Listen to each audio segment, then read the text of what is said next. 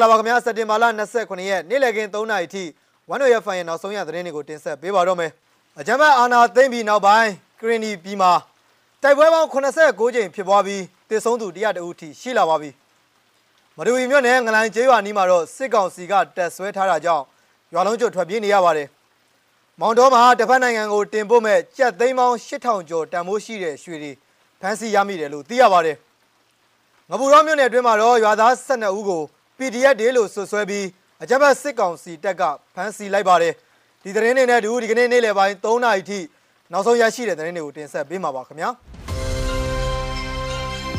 ပထမဆုံးအနေနဲ့တင်ဆက်ပေးခြင်းတဲ့သတင်းတစ်ပုဒ်ကတော့အကြမ်းဖက်အာဏာသိမ်းပြီးနောက်ပိုင်းဂရင်းနီပြည်မှာတိုက်ပွဲပေါင်း89ကြိမ်ဖြစ်ပွားခဲ့ပြီးတေဆုံးသူ100ဦးထိရှိတဲ့အကြောင်းတိုးတက်သောဂရင်းနီပြည်သူ့အင်အားစု PKPF ကသတင်းထုတ်ပြန်ထားပါတယ်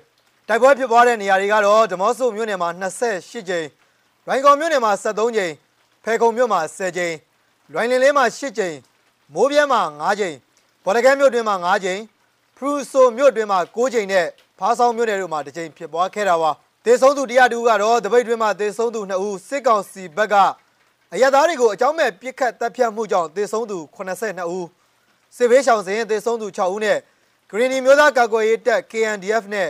လက်နက်ကင်ပြည်သူ့ကာကွယ်ရေးတပ်တွေကသေဆုံးသူ22ဦးတို့ဖြစ်ပါတယ်။ဒါပြင်စစ်ကောင်စီတပ်ရဲ့မတရားဖမ်းဆီးထားတာကိုခံရတဲ့သူ148ဦးထိရှိပြီးတော့ပုံမှန်905ကနဲ့အများဆုံးတရားစွဲဆိုခံထားရတယ်လို့ထုတ်ပြန်ချက်မှာပါရှိပါတယ်။အခုရက်ပိုင်းတွေအတွင်းမှာဓမော့ဆုမြို့နယ်မှာတိုက်ပွဲတွေပြန်လည်ပြင်းထန်နေပြီးတော့အကြမ်းဖက်စစ်ကောင်စီတပ်တွေကပြည်သူ့အိုးအိမ်တွေကိုဖျက်ဆီးခဲ့ပြီးနေအိမ်ပေါင်း30ကျော်ကိုမိရှို့ဖျက်ဆီးခဲ့တယ်လို့ KNDF ကသတင်းထုတ်ပြန်ထားပါတယ်။ တိုက်ပွဲတွေအတွင်းမှာဂျမ်ဘတ်စစ်ကောင်စီတပ်တွေရဲ့လက်နက်ခဲယမ်းချို့နဲ့ဆက်သွယ်ရေးပစ္စည်းအချို့ကိုလည်းသိမ်းဆည်းရမိခဲ့တယ်လို့သိရပါတယ်။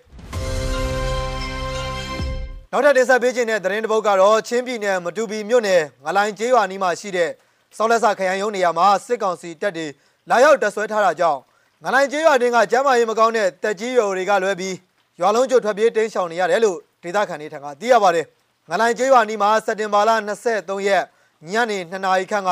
စီရီယမ်မတူဘီနဲ့စစ်ကောင်စီတို့ကြားမှာတိုက်ပွဲဖြစ်ပွားခဲ့ပြီးရွာထဲမှာရှိတဲ့လူချို့ထွက်ပြေးခဲ့ကြပြီးတော့အခုခါမှာ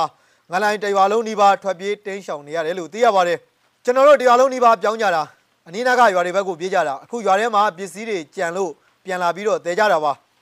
ဘာလို့ပြေးလဲဆိုရင်ပြီးခဲ့တဲ့23ရက်မှာတိုက်ပွဲဖြစ်တယ်တခါမှမကြုံဘူးဘူးလေတနက်တွေပြေးကြတယ်ပြီးတော့နှညာရှိပြီးခရိုင်ရုံးအစောင့်အုံတွေမှာစစ်တပ်ကလာပြီးတော့တက်ဆွဲကြတယ် ဒီတော့တိုက်ပွဲဖြစ်ရင်တရားလုံးလက်နက်ကြီးကြီးထိမှဆိုလို့ပြေးကြတာထန်တလန်မှာဆိုရင်လည်းမြို့ထဲမှာတောင်လက်နက်ကြီးကြီးထိပြီးတော့မီးလောင်တာပဲလို့ငလိုင်းရွာသားတဦးကပြောပါတယ်ဒါပြင်ဖနိုင်ကျေးရွာအတွင်းမှာရှိတဲ့ရွာသားချုပ်ကလည်းတောင်ရတဲတွေကိုပြောင်းရွှေ့တာတွေဘေးလွတ်မဲ့ရွာတွေကိုပြောင်းရွှေ့တာတွေနဲ့အိန္ဒိယနယ်စပ်ဘက်ကိုထွက်ပြေးသူတွေလည်းရှိနေတယ်လို့သိရပါတယ်လက်ရှိထွက်ပြေးတင်းရှောင်နေကြတဲ့ငလိုင်းကျေးရွာနဲ့ဖနိုင်ကျေးရွာဟာကျေးရွာကြီးတွေဖြစ်ကြပြီးမတူပီမြို့နယ်ရှစ်မိုင်ခန့်ကွာမှာတည်ရှိပြီးတော့မတူပီအခြေချစစ်ဗျူဟာတက်နဲ့ ခလာရ140တန်ရင်နဲ့နီးကက်လျက်ရှိတယ်လို့သိရပါတယ်ခင်ဗျာ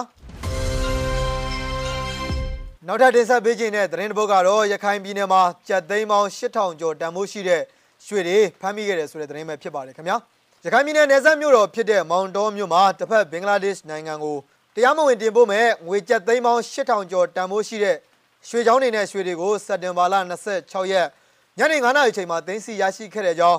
မောင်တောနယ်ကြားဆောင်ရဲတပ်ဖွဲ့ဝင်တို့ကပြောပါတယ် မောင်တော်မြို့နယ်အောင်စေရကျေးရွာနီးမောင်တော်တောင်ပြိုကားလမ်းမှာမော်တော်ယာဉ်တွေကိုရှောင်းတခင်စစ်ဆေးနေတဲ့အချိန်မောင်တော်မြို့မြို့မကညင်တန်းရက်ကွက်နေဂျာဟာမော်ရစ်ခေါ်မမတ်ရီကလစ်မောင်းနှင်လာတဲ့မော်တော်ယာဉ်ကိုရက်တန့်စစ်ဆေးခဲ့ရမှာအဲ့ဒီလိုသိမ်းဆည်းရမိခဲ့တယ်ဖြစ်တယ်လို့သိရပါတယ်သိမ်းဆည်းရရှိခဲ့တဲ့ရွှေတွေကတော့အကယ်ဒမီဒစိမ့်ပါ10ကျပ်သားရှိအခောက်ရွှေ39ကျောင်းရွှေတယ်လက်ဝဲရတနာမျိုးစုံ28ကျပ်သားစုစုပေါင်းရွှေ၄ဘိတ်သား18ကျပ်သားဖြစ်ပြီးတော့ ကာလာတံမိုးအဖြစ်ကျပ်သိန်းပေါင်း8000ကျော်တန်ဖိုးရှိပါတယ်အဲ့ဒီရွှေတွေနဲ့အတူမြန်မာငွေကျပ်သိန်း50ကိုလည်းသိန်းစီရမိခဲ့တယ်လို့သိရပါတယ်ရင်မောင်းနေလာတဲ့မောင်တော်မြို့နေဂျာဟာမော်ရစ်မာမာရီကလစ်နဲ့ရင်မမစီးနှင်းလိုက်ပါလာတဲ့သူဘူးသီးတောင်မြို့နေမမောက်ဂျူနိုင်နဲ့အနဝါစာဒတ်တို့သုံးဦးကိုလည်းပို့ကုန်သွင်းကုန်ဥပဒေပုံမှန်၈နဲ့မောင်တော်မြို့နယ်ရဲတပ်ဖွဲ့ကဖမ်းဆီးအမှုဖွင့်ထားတယ်လို့သိရပါတယ်နောက်ထပ်တင်ဆက်ပေးခြင်းတဲ့သတင်းတစ်ပုဒ်ကတော့ AR တိုင်းဒေသကြီး ငပူတော်မြို့နယ်အတွင်းမှာရွာတရမှာစစ်ကောင်စီတပ်တွေကကိုဝင်ဆောင်အမျိုးသမီးတူပါဝင်ရွာသား12ဦးကိုကာကွယ်ရေးတပ်ဖွဲ့ဝင်တွေလို့ဆွဆွဲပြီးဖမ်းဆီးသွားမှုဒီမနေ့ကဖြစ်ပွားခဲ့ပါတယ်။ AR တိုင်းငပူတော်မြို့နယ်ငရုတ်ကောင်းမြို့တဲပြူကျေးရွာမှာစက်တင်ဘာလ26ရက်နေ့မနက်ပိုင်းကရွာသား၄ဦးကိုဖမ်းဆီးပြီးညနေပိုင်းမှာ၈ဦးကိုထပ်မံဖမ်းဆီးခဲ့တာပါ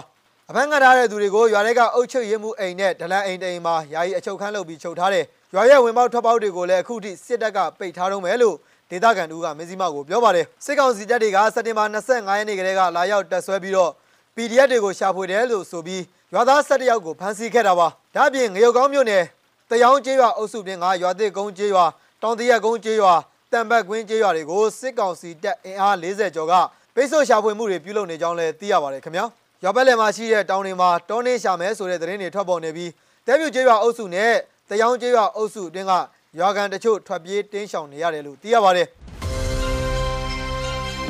ဒီကနေ့နေ့လယ်ပိုင်း3နာရီရဲ့နောက်ဆုံးသတင်းတစ်ပုဒ်အနေနဲ့မြိုင်မြို့နယ်တဲကဆီယနာရှင်စန့်ကျင်ဖြုတ်ကြရေးခြိတက်ဆန္ဒပြကြတဲ့တပိတ်စစ်ကြောင်းတစ်ခုကိုလည်းဖွင့်ပြပေးကြပါတယ်ခင်ဗျာပြောင်းလိုက်ဖေးလို့တက်တက်ခိုင်ပါမယ်လို့တက်တက်ခိုင်ပါမယ်လို့တော်ပြီလူရဲ့ဒီရမှာဟုတ်ဒီချိန်ကျွန်မဒီရဲ့ကျွန်တော်ငေါ်ရလုံးပါ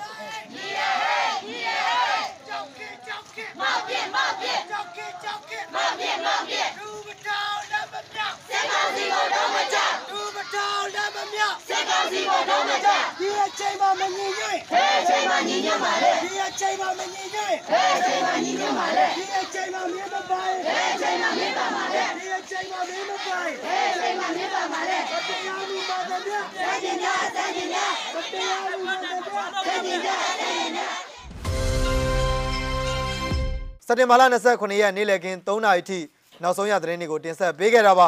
One Way FM ကိုအဆောင်မျိုးနားဆင်ရတဲ့ပြည်သက်ပေါင်း ကိုစိတ်နှပြကျမ်းမာချမ်းသာကြပါစေလို့ဆုမွန်ကောင်းတောင်းလိုက်ရပါတယ်ထူးခြားတဲ့သတင်းတွေနဲ့အတူကျွန်တော်တို့မကြခင်မှာပြန်လည်ဆုံတွေ့ကြပါမယ်ခင်ဗျာ